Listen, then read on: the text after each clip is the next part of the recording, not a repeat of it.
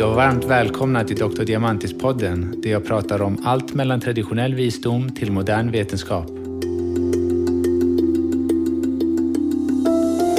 Hej allihopa och eh, varmt välkomna till ännu en podd här. Eh, idag har jag en speciell gäst. Det är eh, en person som inspirerat mig sedan jag fick upp ögonen för henne. Och det var redan när jag bodde i Kina. Hon har varit bland de högsta bergen och bland de djupaste haven. Jag vill välkomna Anneli Pompe. Tack så mycket. Jätteroligt att vara här. Jag såg fram emot det. Alltså, jag har sett så fram emot det.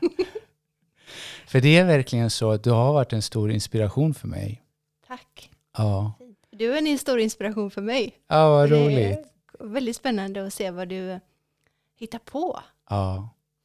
Jo, jag har många idéer och Mm. jag försöker hitta på nya, nya lösningar. Just nu problemlösare känner jag mig Mm. mest som. Men eh,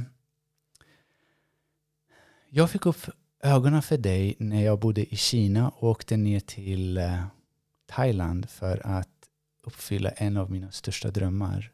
Och det var att fridyka. Vad härligt. Så när jag såg att du höll på med det, då var det nästan jag kände en direkt connection för att du är från Sverige. Ja.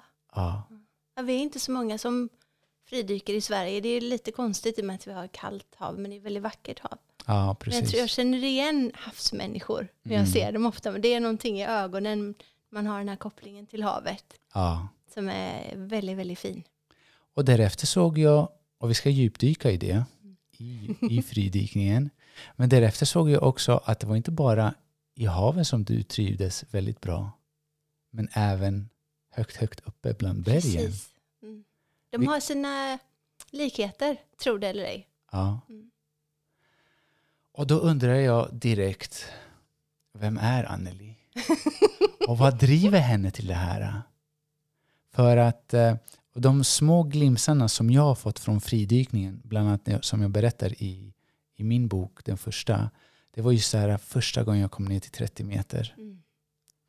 Det är en, det är en helt obeskrivlig upp, upplevelse. Och, och jag, man kan inte göra rätt för sig och försöka ens beskriva det för att det går inte, man måste uppleva det själv. Så är det.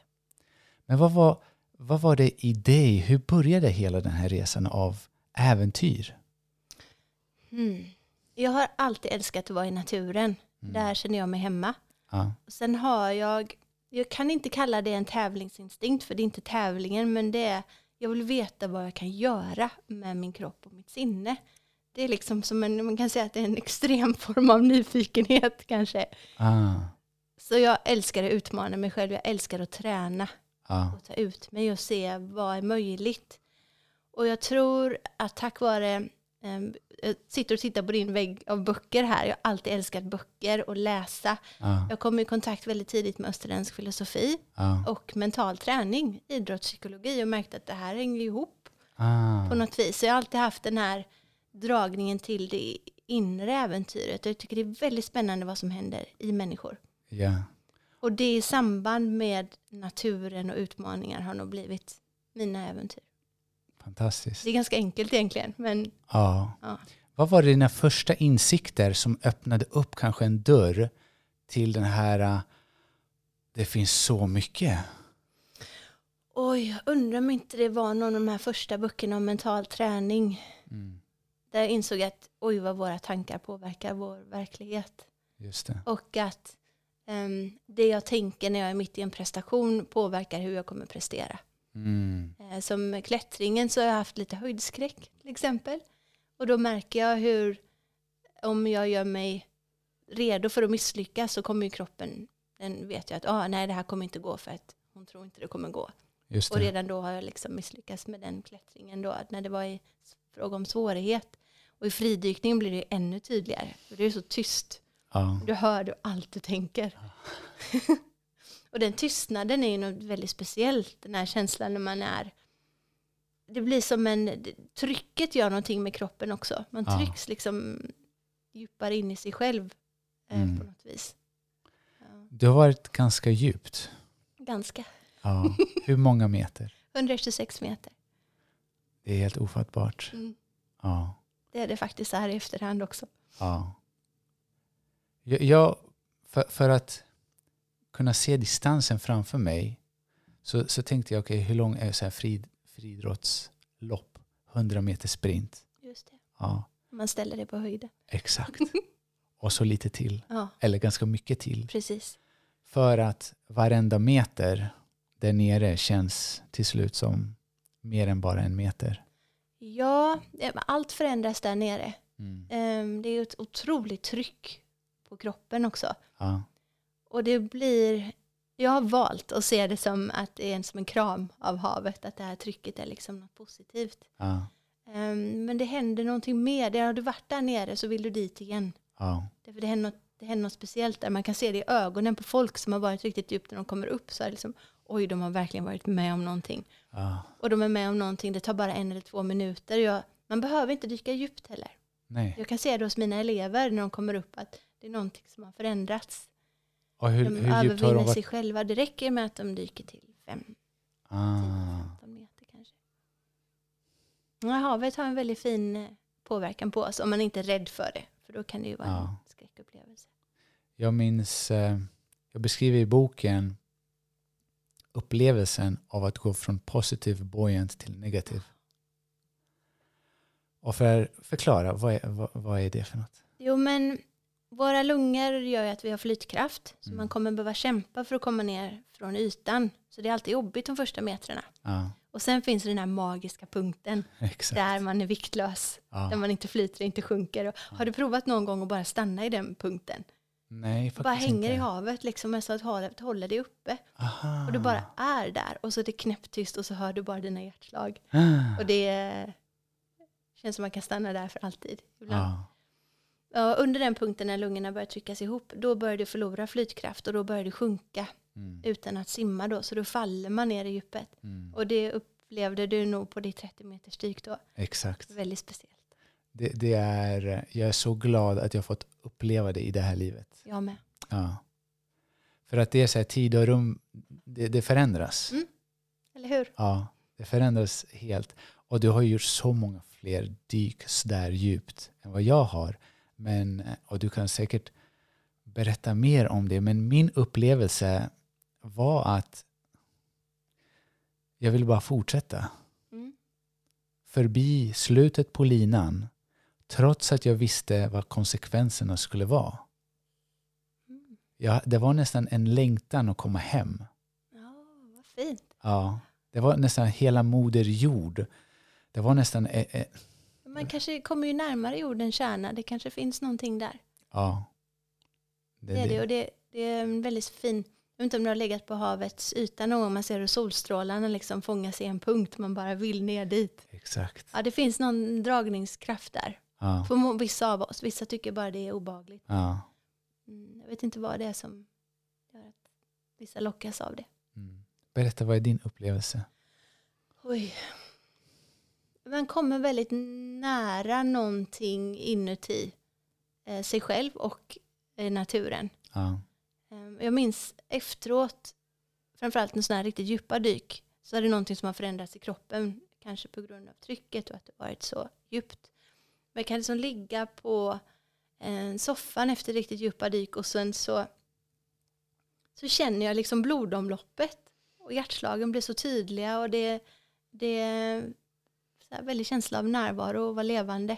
ja. Och det har nog också någonting att göra med andningen, tror jag. Mm. För så långt andningsuppehåll och sen när du andas igen, det är lite som att bli återfödd eh, på ytan. Vad fint beskrivet. Det är så här, det som händer mellan två andetag, det är ju även så livet Ja, eh, är.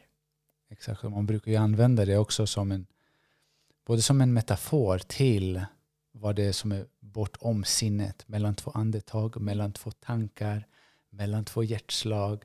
Det är det här binära, Mm. där jag finns, jag finns inte, jag finns, jag finns inte. Ja. Rörelse, ingen rörelse. Och det är vad yin och yang egentligen är. Mm. Ja. Om, vi, om vi ser yin och yang-symbolen och vi lägger den ner, då ser vi att om vi fortsätter den här kurvan av vågen, Mm. då kommer den fortsätta att bli vara en oändlig eh, rytm av upp, upp och och ner, upp och ner. Det, och, och det var... Som hjärtslagen och Exakt, andetagen och Exakt. fridykning. Ja, exakt. Så det, det är någonting djupt rotat i, i oss, i vår existens tror jag. Mm. Absolut. Sen är det också vår koppling till vatten med att vi har legat i vatten i nio månader. Ja. Um, vår att vi har en inbyggd dykrespons. Mm. Mm, att vår, vi har samma salthalt i tårar som det i havet. Det visste inte jag. Ja, det, det är fint är det. Är det sant? Och sen finns det ju rent fysiologiska, man sett att när vi ser ut över vatten så sänks blodtrycket inom sju sekunder. Fantastiskt. det är någonting, ja det har någon lugnande effekt på oss. Ja, Vatten. ja. Är det någon speciell hav eller salthalt eller som du dras närmare till? Faktiskt mitt hemmahav eh, på västkusten. ja, För det är där jag är uppvuxen så det känns som hemma. ja, Och det är, det är så häftigt när man sjunker ner i ytan och så är det som en lättnad. Så, ah, nu har jag kommit hem. Det är en väldigt fin känsla. det det. ja. Men jag kan ju ha den eh, även i skogen eh, och i bergen också. Så att det är inte begränsat till vatten. Men just det här att sjunka ner i vatten när vi äntligen är viktlösa. Det får vi inte vara så ofta exakt, vardags. Exakt. Det är en väldigt, väldigt skön känsla. Låta havet bära en. Ja. Kan man se det också som att låta livet bära en? Mm, absolut. Ja, Vi är beroende av havet för att överleva. exakt. Det är inte så många som vet att vartannat andetag med syre kommer från alger i vattnet. Så vi är beroende av havet för att överleva. Exakt. Och vad gör vi mot stackars? Havet mår inte så jättebra just nu tyvärr. Ja. Så vill du dela med dig lite om vad det är som pågår och uh, så vi kan informera lite. Haven, hur mår de? Vad är det de påverkas av? Är det någonting vi kan göra praktiskt? Ja, Enkla små förändringar som gör en stor skillnad. Tyvärr är det ju samma för haven som för klimatet. Att när temperaturen höjs så kommer många ekosystem i havet dö. Då Mm. vet vi inte hur det kommer påverka oss. Mm. Och det dumpas åtta miljarder ton skräp i haven varje år. Så det är ju, Ja, det havets problem är att det inte syns när det är under ytan. just det. Men det påverkar såklart också ekosystemen. Ja, Men det, jag tycker det man kan kanske vara med på strandstädningar. Så man Ja. känner att man räddar lite plast från att inte hamna i havet. Allt räknas. ja, Eller plocka upp skräp på land. ja, Ehm, Och tyvärr också då eh, använda mindre fossila bränslen och eh, konsumera mindre. Samma som för att rädda Har du, har du sett genom dina år eh, påverkan på, på klimatet? Ja, tyvärr. Jag har ju sett hur havet förändrats. Jag har ju Mm. dykt i mitt hemmahav sedan jag var ja, så jag kunde simma Ja, tills nu och har sett eh, förändringarna där. Det är färre fiskar, det är mer syredöda bottnar, det är mycket mer skräp mm, tyvärr. Mer invasiva arter och så. Så det händer ju väldigt mycket väldigt fort. ja, Och det, allt det här, det händer ju väldigt mycket omkring oss nu. Det går ju inte att eh, förneka. exakt. Och allt det där kan göra nog att man blir rädd. Eller att Mm. man får dåligt samvete. Men ingen av de känslorna hjälper någonting. Exakt. Så att jag tror på att eh, välja en inställning till att jag gör det jag kan. Ja. Och jag Jättefint. gör det av kärlek, inte av dåligt samvete. Ja. Utan peka finger, kolla vad jag gör, varför gör inte du? Ja, nej. Det hjälper. Ja. Exakt. Positivt, konstruktivt. Anneli, du ser att jag har ganska många böcker här. Mm. Men det är en bok.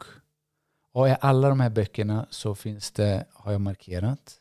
Jag har gjort hundöron. Och jag har sammanfattat, jag har kladdat på allihopa. Förutom en bok. Okej, vilken är det? Du ska få se här. Spännande.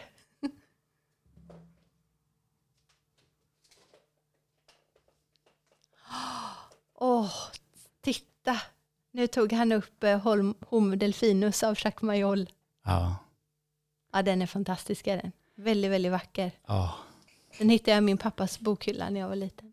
Du gjorde det? Han är också dykare. Fantastiskt. Mm. För att det är den här filmen, Den stora blå, som var startskottet till Ja, alltihopa. Samma här. Ja. Det är en klassisk film som jag uppmanar allihopa att se. Faktiskt, den har ganska många år på nacken men den är Ja. vacker. 80-tal, slutet 80-talet. Ja, precis. Ja. Och vilka spelar där? Um, Jean Renault och, och vad heter han nu igen? Little Frenchman. Mark. Ja, Mark någonting. Någonting. Mm. Och han spelar då Jacques Maillot. Ja.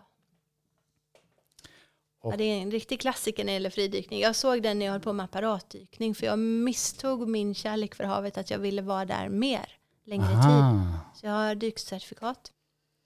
Men så såg jag filmen just när jag hade tagit dykcertifikat och Ja. jobbade som dive master. Så Ja. insåg jag att, åh nej, det var det där jag skulle göra. Men fridykning är ju väldigt, väldigt ny som sport. Ja. Ehm, när jag började och jag flyttade till Dahab för att fridyka Ja. hela tiden. Har du varit i Dahab? Nej. Det blå hålet finns där, Blue. Hole. Ja. Väldigt, väldigt vacker plats. Mm. Eh, jag flyttade dit så var vi kanske fem, fem fridykare i hela Dahab som fridök tillsammans och tränade för att försöka dyka djupare. Ja. Och idag kan det säkert vara 500 fridykare. Så det har liksom exploderat som sport. Ja. Och det gläder mig. Därför att jag tror att ju fler människor som trivs i havet och älskar havet, fler människor vill hjälpa havet också. ja, säkert. Och det, det finns, man får något sånt vackert från fridykningen för att du möter dig själv. Ja. Du lär känna dig själv på ett sätt du inte kan göra på andra platser. Ja. Ehm, och du lär dig andas och du lär dig att fridykning är ingen extremsport som många tror, utan det är en lugn sport. Exakt. Du kan bara dyka djupt om du är riktigt, riktigt lugn. Ja. Och det är ju fantastiskt att hitta det inuti. Mm. Det är väldigt lätt att, att tro att man ska hyperventilera in, innan, innan man ska gå ner.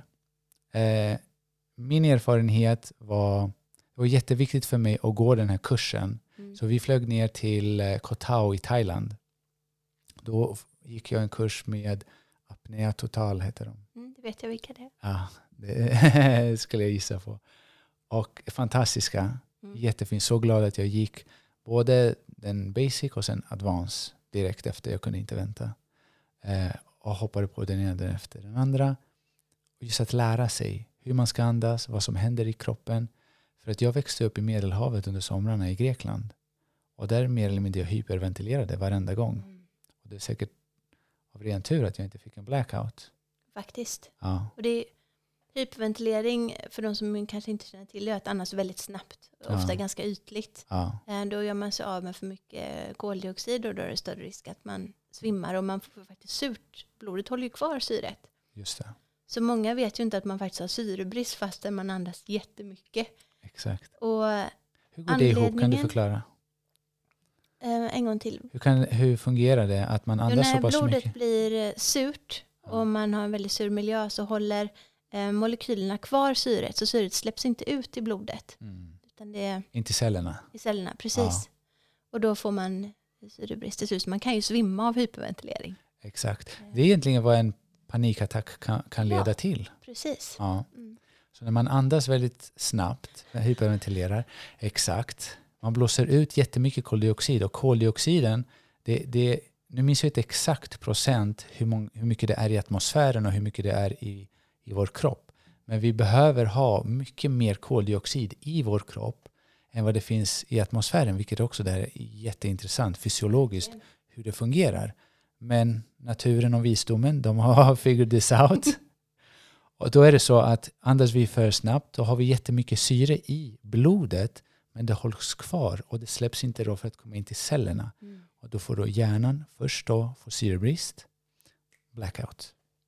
Precis. Ja. Och det, jag vet inte om du har provat att landa någon gång med eh, hyperventilering. För det är ju ganska roligt. Ja, Man kan hålla andan jättelänge. ja, Och det är ganska bekvämt. Men så plötsligt känner man att oh, nu är någonting fel. ja, Och så brukar händerna börja böja sig och sådär. Det, just det.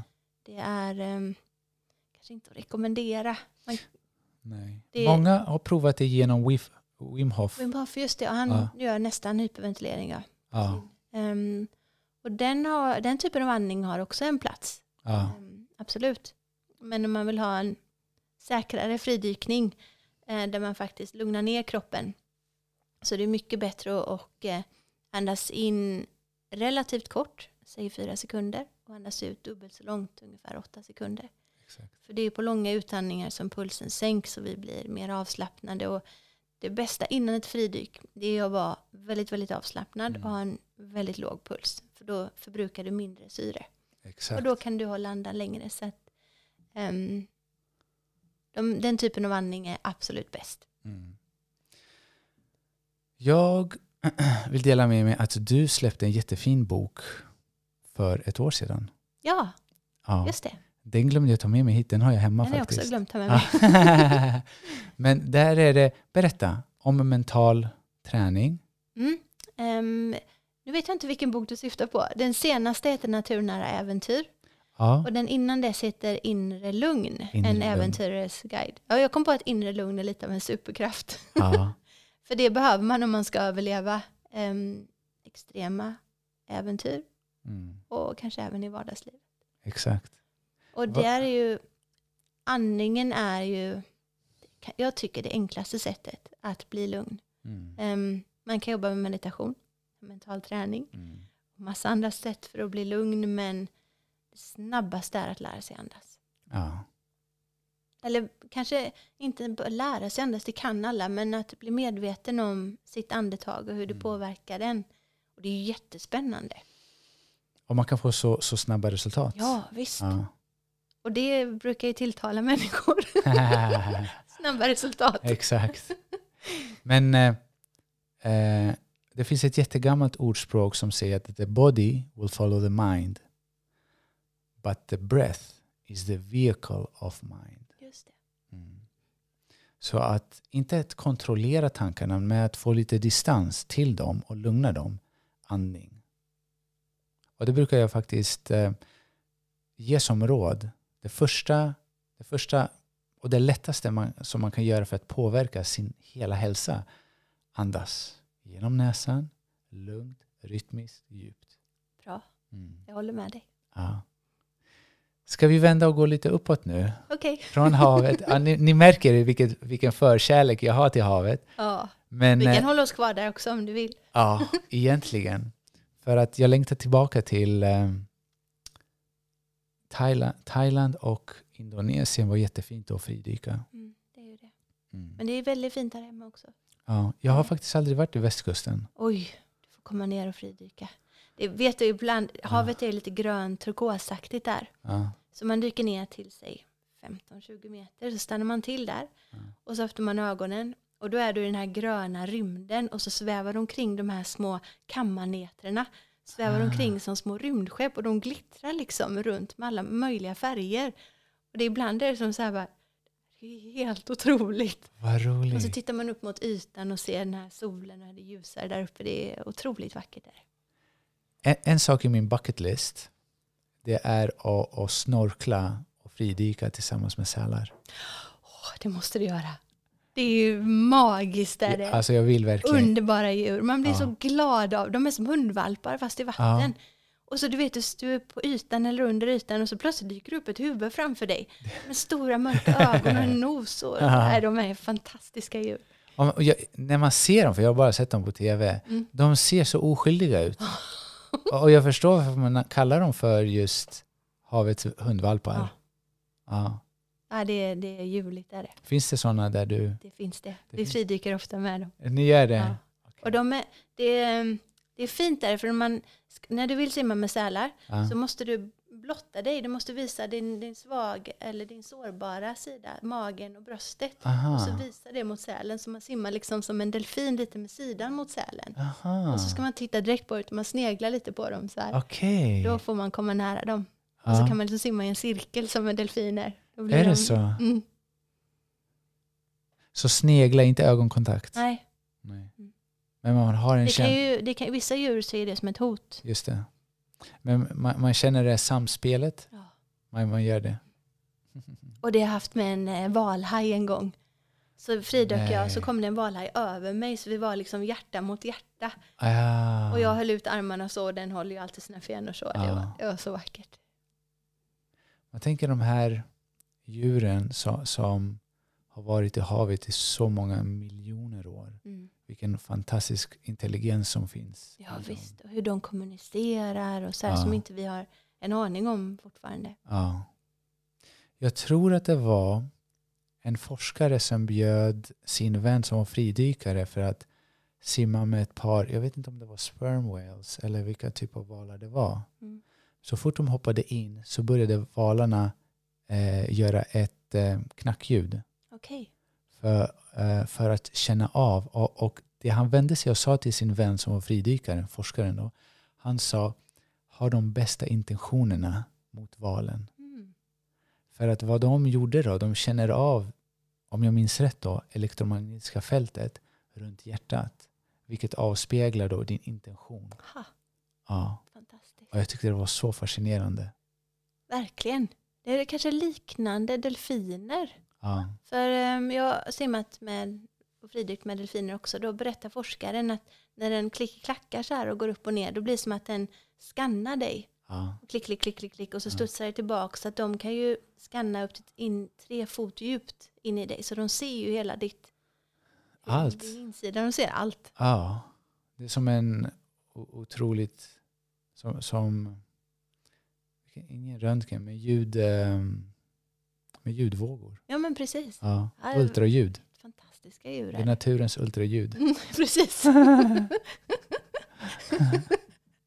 Som kan känna av dig. Och det blir så viktigt just med, med ditt sinnestillstånd. Mm. Mm. Jag har en fråga. Tillbaka till blackout. Har du varit med om en blackout? Ja, det har jag. Och jag tror att det är... När man eh, pushar gränser så kommer man ju gå över dem eh, Mm. någon gång. Mm. Och det var inte alls så skrämmande som jag trodde. Ja.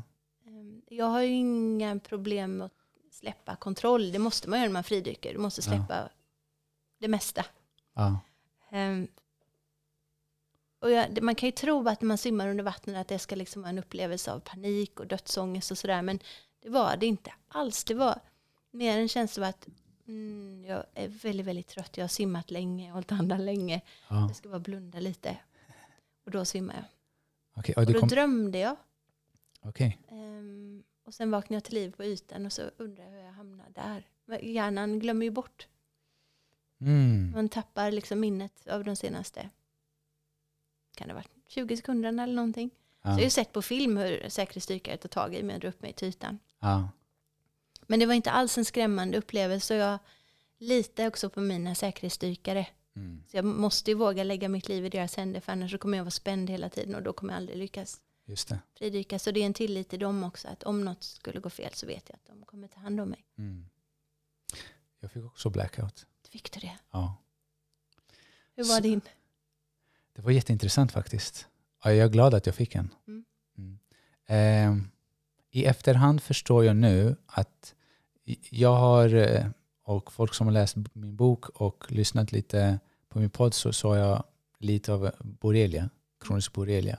Och jag inser nu att jag hade redan då borrelia när jag dök. Mm. Och jag minns att det var ett sista dyk till 30 meter. Och jag kände min intuition sa nej, du är klar för idag. Och min tränare var så pass glad över att det gick så bra för mig. Så han övertalade mig. Nej, gör det till. Och då sa jag, och jag snälla pojken som aldrig skulle säga nej. Så sa jag okej. Och redan på väg ner kände jag hur trött jag egentligen var. Och så på väg upp. Det var en lång uppförsbacke. Mycket mjölksyra i benen säkert. Ja. Och det är inte så att man kan säga så här, okej men nej, jag hoppar av. Jag vill inte leka det här längre. Nej, Nej du måste upp. Du måste upp. Ja. Du har inget val. Nej. Och jag minns att jag kanske var ungefär, vad kan jag ha varit, 10 meter ifrån. Och jag märker att jag släpper ut luft Mm. från munnen. Och då tänker jag, men varför släpper jag ut luft? Det här var inte smart. Jag behöver ju all luft för att kunna klara mig hela vägen upp. Och då märker jag hur min säkerhetsdykare eller min, instruktör tar tag i mig. Och för mig upp. Och tänker, varför, tar han, varför håller han i mig för? Och så kommer han upp och så lutar han huvudet bakåt och så, jag hör ju mitt namn och jag är med på hela resan. Okej. Ja. Och det var det som jag tyckte var så intressant. För blackout, det är så här, det som ordet säger, du blackout. Mm. Men jag var fullt medveten, men kroppen var, den var helt avslappnad, den gjorde ingenting. Okej, du kände det att kroppen var, den var slut? Ja, exakt. Det var som kroppen sov, men jag var med. Mm. Ja.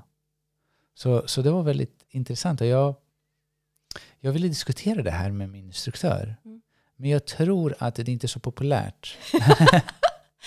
Kanske. Han, han kanske hade varit intresserad. Ja. Men jag tror kanske dykskolorna då att man vill inte komma ut med att ah, men den här dykskolan gjorde så att så många fick blackouts. Ja, eller, nej, nej, det är sant. Ja. Det, det är nog inget man eh, stoltserar med. Nej. Men det kan nog vara intressant att veta hur en elev upplevde det. Ja. Så, Det är, man, som instruktör så lär man sig se kroppsspråk på ett helt annat sätt. Man ser under vattnet direkt på Mm. ögon och, och hur kroppen rör sig. Att oj, nu här är inte bra här. ja. För du har, har du jobbat som instruktör också? ja, Mm. i det 15 år nu. Mm. Och det är en fantastisk träning. Jag var, jag var så fascinerad av dagligen vad de gick de i stort sett ner till 30 meter. Ja, ja visst. Ja. Det, är väldigt, ja, det är bra träning som instruktör men den stora glädjen i att se andra människor Mm. övervinna sig själva Ja. eller överträffa sig själva. Ja. Och att de får med sig saker de kan använda i dagliga livet. Det är, För det är en sån här, för mig var det i alla fall no, någonting så här life changing. Dels insikten med, med att bara vara i den här tyngdlösheten, Mm. att glida ner mot moder jord och det stora intet. Att övervinna, att kunna klara av att få blackout. Men sen var det också otroligt intressant med apnea, att hålla andan. visst är det. Ja. Vad förändrades tror du? Jag vet inte, det var nästan som man blev uppgraderad. Så, det blev 2.0 där Ah, på något sätt. Mm. Ja, men man fick nästan, dina vyer blev lite bredare Mm. på något sätt. Men det var jätteintressant just med att hålla andan. För tydligen var jag väldigt duktig på det. Mm. Första tillfället när vi gjorde det, vi skulle maxa. Jag lyckades fem minuter och 20 sekunder. det är jättebra. Mm. Och jag är så nyfiken att höra hur länge du har hållit andan. Sex minuter som mest. Ja, Jag, jag började med väldigt små lungor. ja. Eh, Det var bara 3,4 liter när jag började. okej. Men jag stretchade dem till 5,5 liter. Så det gjorde att jag kunde hålla andan längre och dyka mycket djupare. Ah, Så det är något som också tror man har väldigt stor nytta av till vardags. Eh, Ja. Framförallt nu när många har haft covid mm. och har lite så här kletiga lungor. Att det är jättestor nytta att stretcha lungorna genom att ta ett stort andetag och göra yogaövningar. Det gjorde ni säkert på kursen också. Precis. Vilket var väldigt intressant. Så, så hur jag upplevde det var att det är nästan som att du tar ett så djupt andetag som möjligt Mm. och så vrider du på dig som en tvättsvamp. Ja, lite så. Ja. Mm. Och, och då var det nästan som att luften tryckte på olika delar av lungorna. Ja. Och det är det som jag tror du beskriver som att du stretchar lungorna. Ja, men tänker dig att lungorna är en ballong Ja. som du blåser upp. Ja. Och då trycker den på massa muskler kring bröstkorgen som kanske varit stela för du har suttit eller sprungit eller cyklat. Mm. Vad intressant. Mm. Jag tror jag 6,2 liter. Det är bra. Ja. Jag är helt övertygad att om jag under min basketkarriär, när jag var som 18-19 år, jag tror att där ungefär var jag bäst fysisk form. Mm. För jag var inte så värst explosiv, men jag hade bra syreupptagningsförmåga, bra kondition. Hade jag flugit ner till Thailand och bara fokuserat bara på fridykning då, Ja. jag tror jag hade haft någon världsrekord. Eller så hade jag dött. Precis. Ja, Någon av de två. Ja, det var, för mig var den största insikten i fridykningen var att det är inte som andra sporter att du kan ta i mer för att dyka djupare. Ja, Och det var lite frustrerande för att jag, jag har tränat hela mitt liv. ja, Jag älskar att träna Ja. och det är inga, liksom, jag har inga gränser över hur hårt eller hur mycket träning jag klarar av. Det kommer ju med åldern sen. Eh. Men då kunde jag träna precis hur mycket som helst. ja. Jag har provat att vara övertränad också. Ehm, Men det frustrerande i fridykning var att det hjälper inte att ta i mer. Mm. Utan snarare måste du bara slappna av mer och släppa taget mer. Ja. Och jag hade en period när jag var fast på 70 meter och kunde inte dyka djupare. Aha. Jag undrar bara, vad 17 är det som håller mig liksom? Visst, tryckutjämning är en fysiologisk, Ja. en fysisk begränsning. Du måste kunna tryckutjämna. Ja. Men det var någonting annat. Ja. Och då min tränare började prata om, har du någon handbroms på, liksom i hjärnan, något som håller dig tillbaks? Man Ja. kan ju vara på väg framåt men ändå liksom ligga och bromsa lite.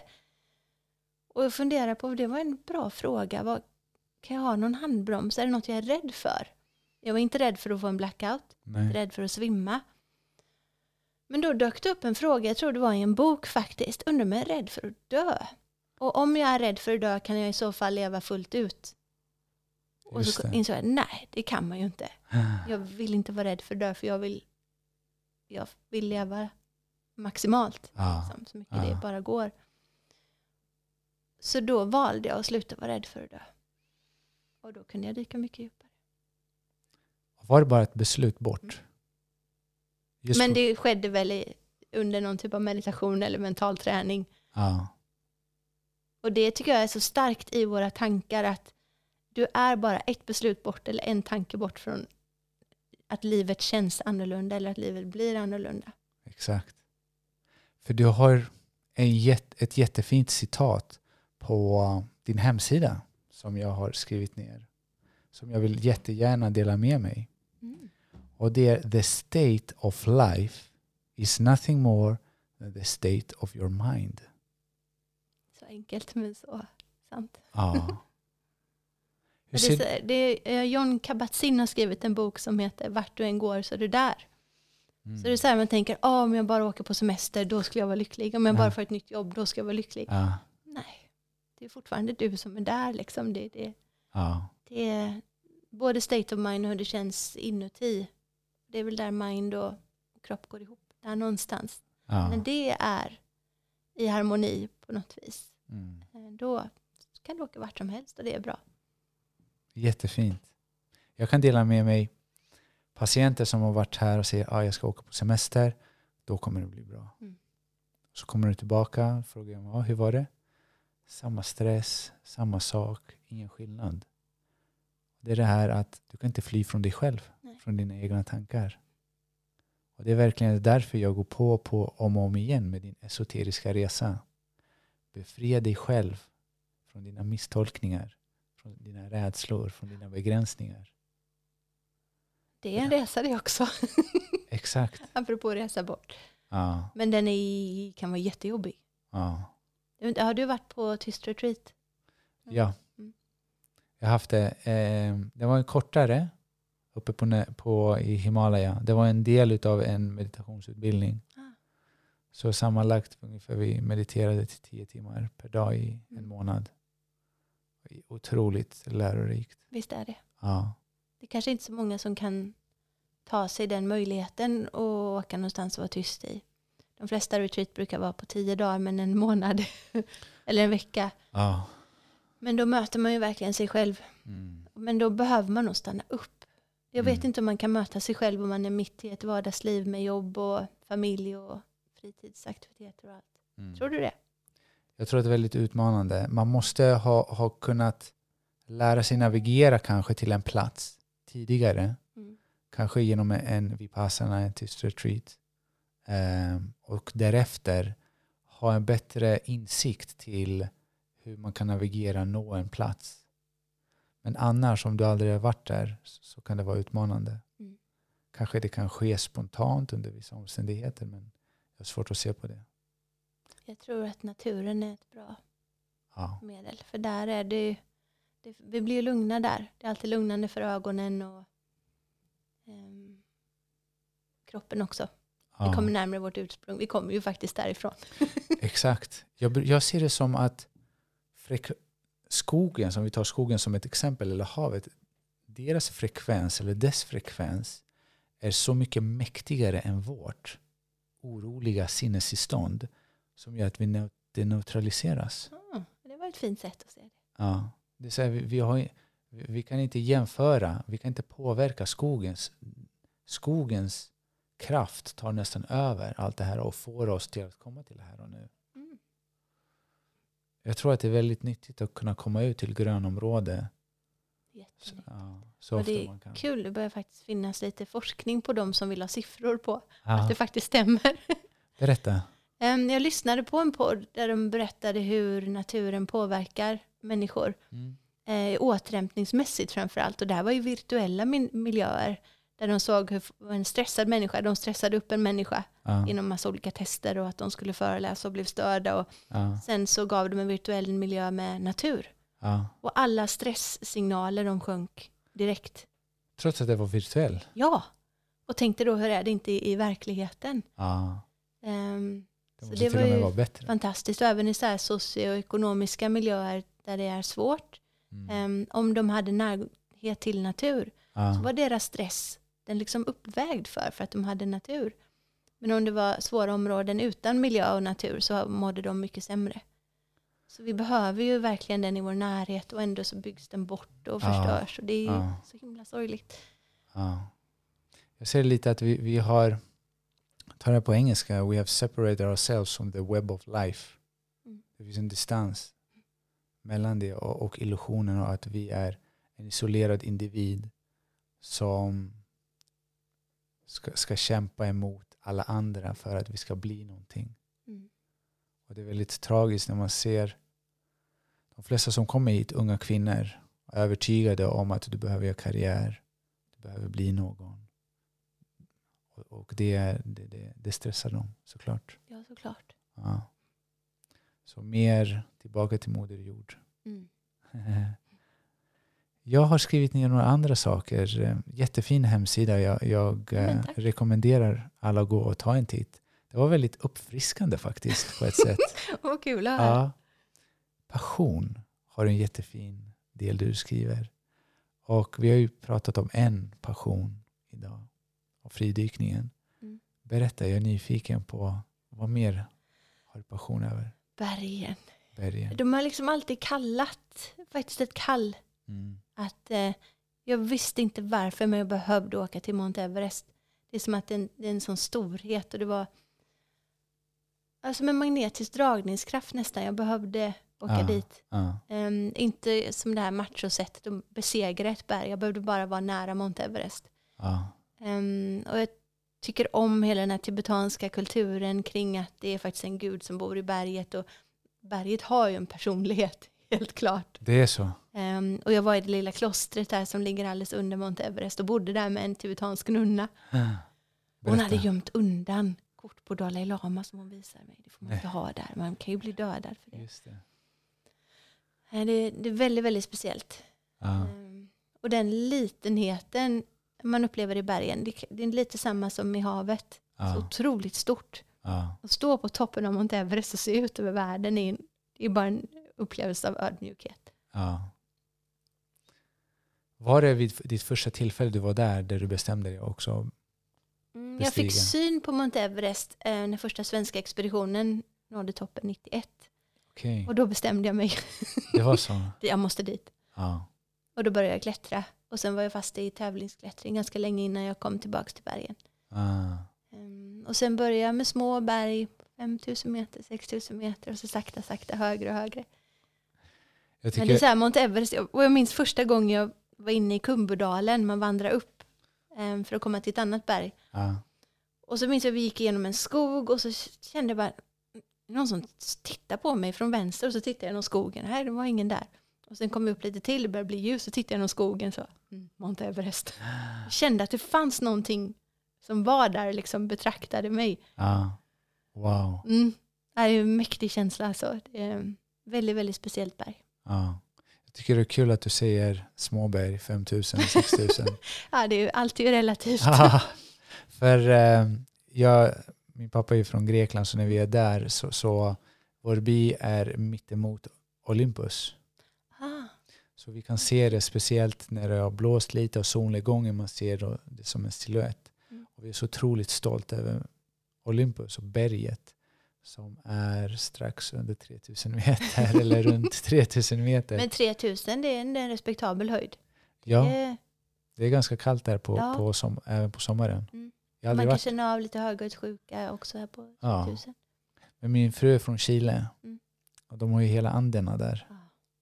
Så hon, nej, hon skakar på huvudet varenda gång och säger det där är inget berg. Det där är en kulle.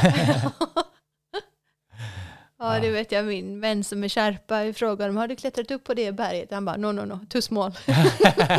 är det sant? Han har stigit Everest 16 gånger. Liksom det. Ja. Och Det, det är intressant med hög höjd Ja. och stora djup. För att det är ju samma problematik med syrebrist på hög höjd. Just det. Och där är an, spelar ju andningen jättestor roll. Jag tror aldrig jag hade lyckats bestiga Everest om jag inte hade fridykt och lärt mig andas på ett bra sätt först. Så intressant. Mm. Har du träffat andra som har gjort samma resa, Nej. Du är så unik på så Det många är ingen sätt. som håller på med båda de här roliga sporterna. Ja, jag förstår. Fick du känslan av, när du var där uppe, now what? Nej, när jag kom ner. När du kom ner? Mm. Ja. Det var en tillfälle när jag önskade att jag aldrig hade bestigit Everest. Ja. Berätta. Du, en tomheten efteråt var enorm. Var det så?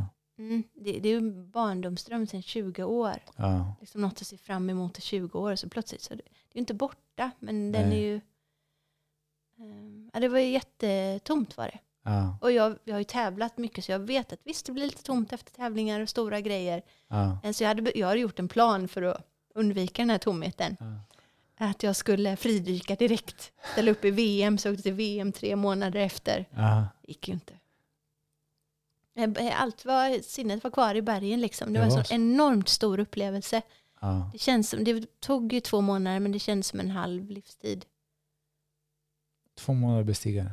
Men det, livet där är så annorlunda. Du lever så annorlunda. Du, ehm, det du delar med de andra människorna där Ja. är liksom något som ingen kan förstå. Så det var också en känsla av ensamhet. Det är ingen som kommer förstå vad jag varit med om, förutom de som faktiskt var där och andra som bestigit Everest. Men då har Exakt. inte de samma inställning kanske heller, så att det var... Nej, jag önskade flera gånger att jag inte hade gått upp faktiskt. För att ha kvar det som dröm. Mm. Jag vet från basketvärlden, de som eh, har kämpat hela sitt liv att vinna NBA Finals, att när de har vunnit och gått tillbaka till hotellet, att de har hamnat i en djup depression. Mm, kan förstå det, Just på grund av now what. absolut. Mm. Och hur hanterar man en sån situation?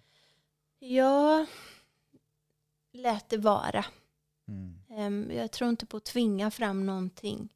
Det måste få komma spontant. Vad är, vad är nästa? Och svaret var att jag älskar ju berg och vara ute på expedition. Det behöver inte vara högst. Ja. Ehm, Jag tycker om hög höjd. Jag tycker om att vara så på gränsen där mellan där man inte ska vara egentligen. Det är inte meningen att vi ska vara där uppe. Nej. Men det är kanske därför jag tycker om att vara där. Det är väldigt, väldigt speciellt med tunn luft. Ja. Du skulle nog kunna uppskatta det också för det har sina likheter med havsdjupet. Ja. Jag dras väldigt mycket till, till, till berg faktiskt. Mm. Och jag gör det på grund av att det är någonting med horisonten. Mm. Det är någonting med horisonten. Om jag skulle ha drömhus, jag måste kunna se horisonten. Jag förstår.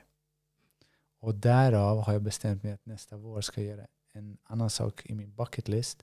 Skärmflyga. Åh, vad roligt. Ja. Det har jag också provat. Det är jättehärligt. ja. Man får försiktig bara. Lätt att flyga, svårt att landa. Är det så? Ja, jag har kraschat. Ja, nej. Ja. Ja. Jag hoppas min fru inte lyssnar på det här Nej. avsnittet. Landa mjukt. ja, exakt. Ja. För att jag, jag vet att du tycker också om att vara uppe i luften. Ja, det gör jag. Och det är nog som hände efter Everest lite var Ja. med liksom ögonen fortsatte alltid uppåt. Aha. Jag tycker om luft, jag tycker om molnen Ja. och jag har en väldigt stor fascination för helikoptrar. Okej. Så det är lite av en barndomsdröm att lära sig flyga Ja. helikopter. Ja. Och alldeles innan pandemin så fick jag åka helikopter i Nepal och prova att styra den. Och då, jag vet inte om du vet, det finns, man kan liksom ha en tanke som inte kommer från huvudet utan inifrån. Den kommer Ja. så här, det här vill jag göra. Har man Ja. hört den så kan du inte ohöra den. Då är det Exakt. så här, aha, nu, Ja. nu är det dags. Ska Precis. Och man kan inte kompromissa med den Nej, heller. nej. Ja. Nej. Så att eh, de senaste åren har jag blivit helikopterpilot. Flyger de här. Åh, vad fint. Hon visar mig två tatueringar, jättefina. Jag blir Ja. glad av att se helikoptrar och höra helikoptrar. Det är, Det är som bara... Ja, de är så glada maskiner liksom. De vill bara upp och flyga och det Det- vill jag också. Ja. Så Jag jag, kan- hoppas kunna jobba någon gång kanske som räddningspilot i Nepal. Eller ambulans i Sverige eller göra något. Släcka bränder kommer nog behövas tyvärr i framtiden. Göra något bra. Ja, Grekland. Är mycket Ja. länder. ja. Och helikoptrarna, de, eh, det närmaste jag kommit till det är att flyga drönare. Ja. Det gjorde jag i somras faktiskt. Okej. Det var det bästa för mig för att jag behövde göra oväsentliga saker som egentligen är väsentliga för att jag hade inte haft semester på fyra år. Ah, oj, det är länge. Ja. Så jag eh, passade på och eh, bygga sandslott och stenslott och plocka örter och te eh, flyga drönare. Vilken härlig semester. Ja, faktiskt jätteskön. Mm. Jag behövde det. Så det var jättefint. Men otroligt roligt med, med helikopter och möjligheten att, att flyga. Mm. Du kan få åka med mig någon gång. Ja, jättegärna. Ja. Jag Ja. flyger ibland från Västerås, det är inte så långt. Jag, Kommer och hämta upp det kanske. nej, men alltså, jag, jag, jag avbokar alla patienterna. Sorry. Nej stackars. Så, sorry, jag, jag, här kommer jag före alla, alla er tyvärr. Så ni får leva med det. Ja. Ja, men jättegärna. Eh, och jag vet inte vad det är med, med luft, höjd, fart. Det är någonting jag tycker om med det där. Mm. Ja. Det var speciellt när man började se på Youtube de som springer av en, en, en klippkant och bara Ja, med typ sån här ekorrdräkt eller base. exakt Ja. dem. Det där fascinerar jag också. Mm. Men jag hör att det är lite farligt. ja, jag gillade också när jag såg det och tänkte det där ska jag göra. Ja, Men kanske vänta tills jag är 70-80 år och hunnit göra allt annat jag vill göra. exakt. Ehm, någonstans där har jag märkt med ålder att jag blir mer rädd för att skada mig för det tar längre tid att återhämta mig från skador och då kan jag inte göra det jag älskar. Och det är jobbigt. Exakt. Det man, man återhämtar sig inte lika fort. Nej, Ja. Det kan en skada som man hade fått för 20 år sedan, det hade man kommit över. Nu kan det bli ett handikapp. ja, Ja. mm, begränsningar är tråkigt. Men nyttja ibland Ja, faktiskt. Det blir ju som en sån här eh, alarm att hallå, du lugnar ner dig lite nu. exakt. Mm. Men hur, hur brukar en vardag se ut för dig? Eller som för en- många andra tror jag att det fanns eh, en vardag innan covid, en under och så nu en efter som Ja. är något slags mellanting. Ehm, jag har bott på en husbåt i sex år Ja, därför att det är underbart att bo nära naturen så jag vaknar av vågskvalp i morse fint. ehm, med en spansk vattenhund som heter Douglas Ja, som är med på mina äventyr. Ehm, jag tränar alltid på morgonen ja. om jag inte ska upp alldeles för tidigt. Så jag går, springer eller styrketränar. Mm. Lite meditation och yoga. Ehm, frukost och sen så är det ofta någon slags jobb. Mm. Eh, nu har ju föreläsningsjobben kommit igång igen, vilket är jättekul. Ja. Älskar att föreläsa. Och ehm, inte så mycket föreläsandet eh, tycker jag inte om, men jag tycker om att dela med mig av mm, ett budskap som kan ge människor någonting. mm. Berätta. Jag pratar väldigt mycket om tankar och andning Ja. och att vi inte ska tro på allt vi tänker. Jag var vän med Björn Natthiko Lindeblad när han levde. Mm. Ehm, Vi hade, ja, hade många diskussioner kring det, just föreläsandet och att det är inte så viktigt men man vill få ut liksom någonting som kan hjälpa någon. Mm. Ehm, Och sen så har jag kanske fyra, fem andra olika jobb. Ehm, Jag gillar mina jobb som expeditionsguide, nu har inte varit så mycket resor på sistone, men så har jag Ja. ju kurser i fridykning, Ja. leder Tysta Retreat tillsammans med en psykolog som heter Cecilia Duberg. Så vi Mm. får ihop liksom Vad fint. en psykologi och den lite, jag vill inte kalla det flummigt, men den lite mera, ja, den delen. Esoteriskt? Esoterisk kan vi säga, Ja. det är bra ord. Och sen eh, har jag skrivit fem böcker, Mm. mm, gillar att fotografera. Ja. Ska beställa en drönare faktiskt, jag vill lära mig att flyga dem också. Det, är lite, det är ganska enkelt. Ja, okej. Ja. Bra. Men jag har kommit på att det finns nu olika typer. Mm. Den som jag flög, det är den absolut lättaste varianten. Och det är nästan som du håller om det klassiska kontrollen. Men sen såg jag att det fanns en extreme sport drönare. What? Ja, det du håller i nästan som en joystick. Mm. Och med den så har du... Och eh, som att flyga, det är nästan som att flyga helikopter då. ja, och så har du så här goggles. Ja, men det har jag sett. Ja, Mm, det där vill jag prova. det vore roligt. Ja. Och låta den flyga bland träden. Ja, Mm. verkligen. Ja. Ja, sen i vardagslivet, jag försöker tillbringa mycket tid i naturen när jag Ja. kan. Mellan föreläsningar och jobb. Fint. Mm. Reser du också utomlands för att jobbmässigt? Ehm, inte så mycket sen pandemin, Mm. men innan gjorde jag det. Mm. Men tack vare helikopterflygandet så har det också varit mycket kurser och sånt. Mm. Jag träffade min blivande kille, sambo. Vad fint. Eh, Grattis. tack. Alltså det är jag väldigt glad över. Så det är en annan, annorlunda liv nu. Ja. Och han är intresserad också av helikoptrar? Ja, han är pilot. Han är pilot. Mm, han jobbar med det. Fantastiskt. Mm. Brukar ni flyga tillsammans? Ja, det gör vi ibland. Han är så mycket bättre än mig så jag lär mig väldigt mycket. Ja, vad roligt. Och, och vi, i vilken miljö tycker du om att flyga mest? Svenska västkusten är ju jättefin. Wow. Men det är något med bergsmiljön också. Eh, Jag var nere i Österrike för att lära mig flyga i berg. Mm. Och det var helt fantastiskt. Det var precis, du vet när höstfärgerna, det var som bergen brann. Och sen kom första snön. Och det, äh, det var så vackert som man bara satt och nästan glömde bort att andas. ja, vad fint. ja. Jag, kan, jag bara föreställer mig där, ska, ska jag flyga, ska jag kolla vart jag flyger eller ska jag kolla på, på, runt På omkring? naturen, ja. Det, man flyger i det som kallas för VFR, Visual Flight Rules. Ja. Och då måste du se och synas. Så du, har, du får inte flyga i moln till exempel. Mm. Eh, Så du måste ha en karta och veta den här dalen kan jag följa in, den går ut där. Så att det inte kommer någon fågel. Så måste se upp för fåglar, se upp för andra flygplan. Eh, Och veta att hur vinden rör sig över bergen, att det kan bli så här rotormoln Just som är det. jättefarliga att flyga in i. Just Att man kan få sjunk plötsligt och kanske Ja. inte kan rädda helikoptern och sådär. Så att det som har varit jättekul med utbildningen är att jag har lärt mig så mycket mer om naturen. Ja. Alltså, och hur, hur, nu vet jag varför vi har sånt väder vi har i Göteborg till exempel. På grund av liksom hur luftmassor rör sig och hur lågtryck och högtryck bildas. Jag är riktigt värdernörd. ja. Men det är så kul. För jag kan titta på molnen och så ser jag liksom, mm, det kommer bli sånt här väder. du, du kan se det från för, i Mm. förväg? Bara genom att se på moln. Ja, Jag tycker om att titta på tecknat. Mm. Jag och min fru. Och eh, vi såg ju på um, Moana eller Vaiana. åh den är så vacker. Ja.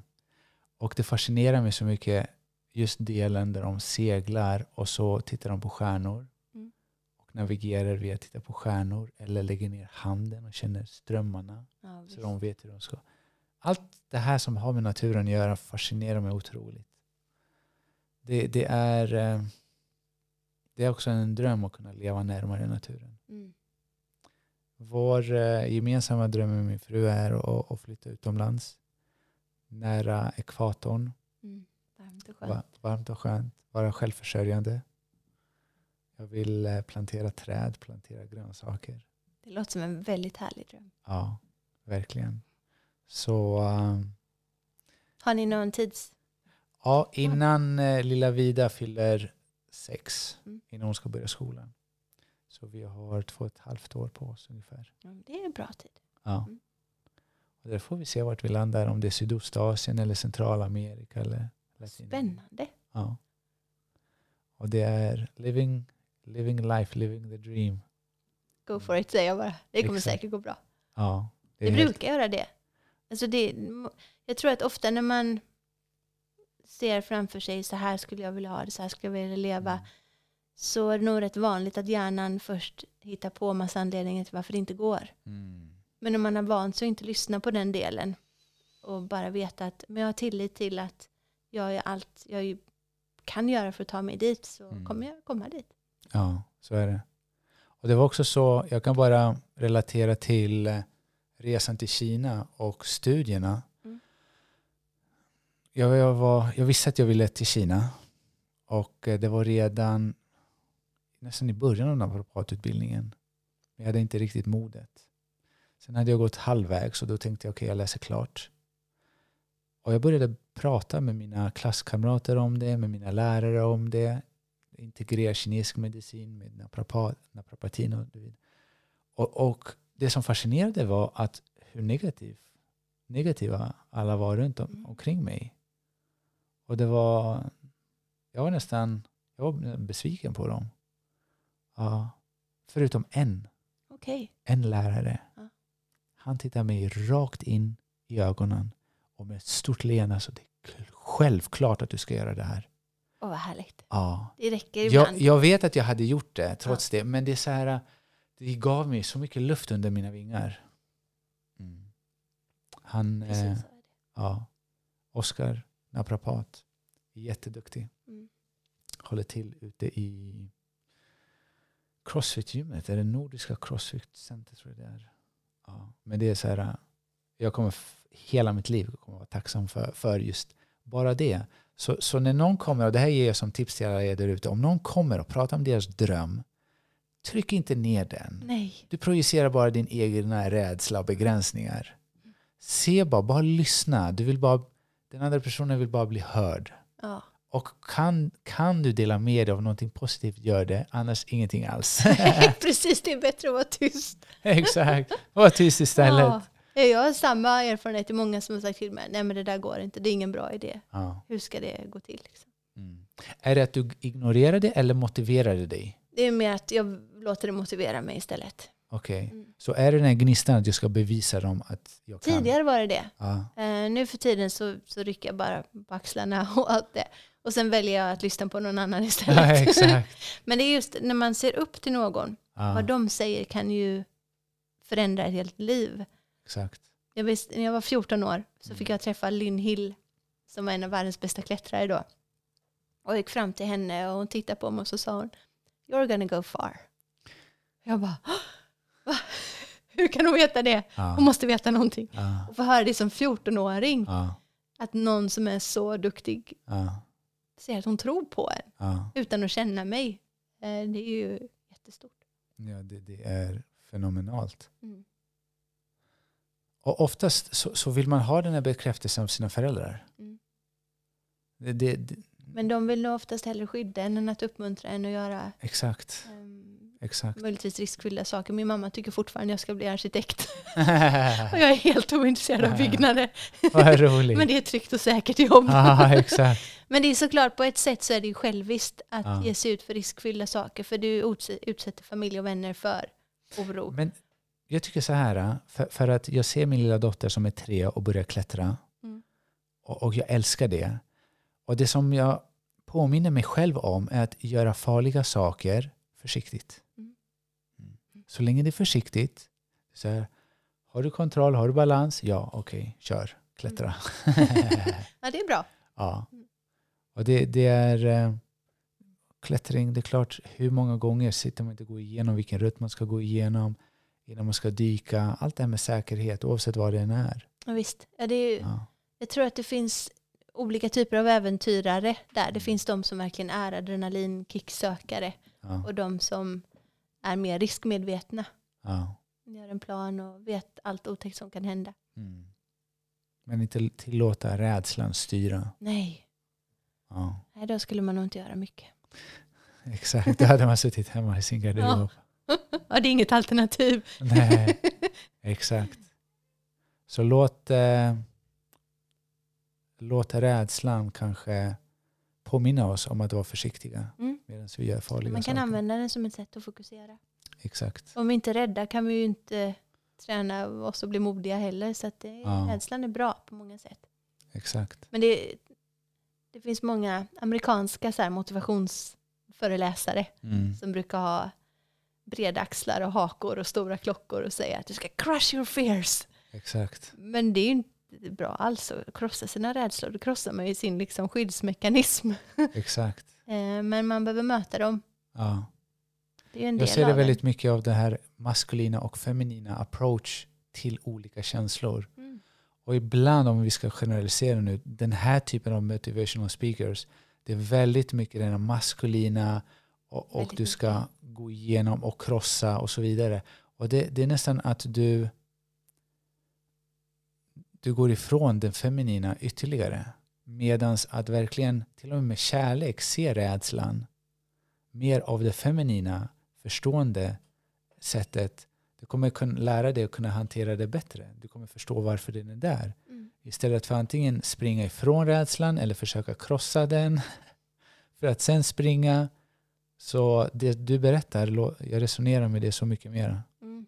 Ja. Ja, det är lite vänligare. Ehm, Hej rädsla.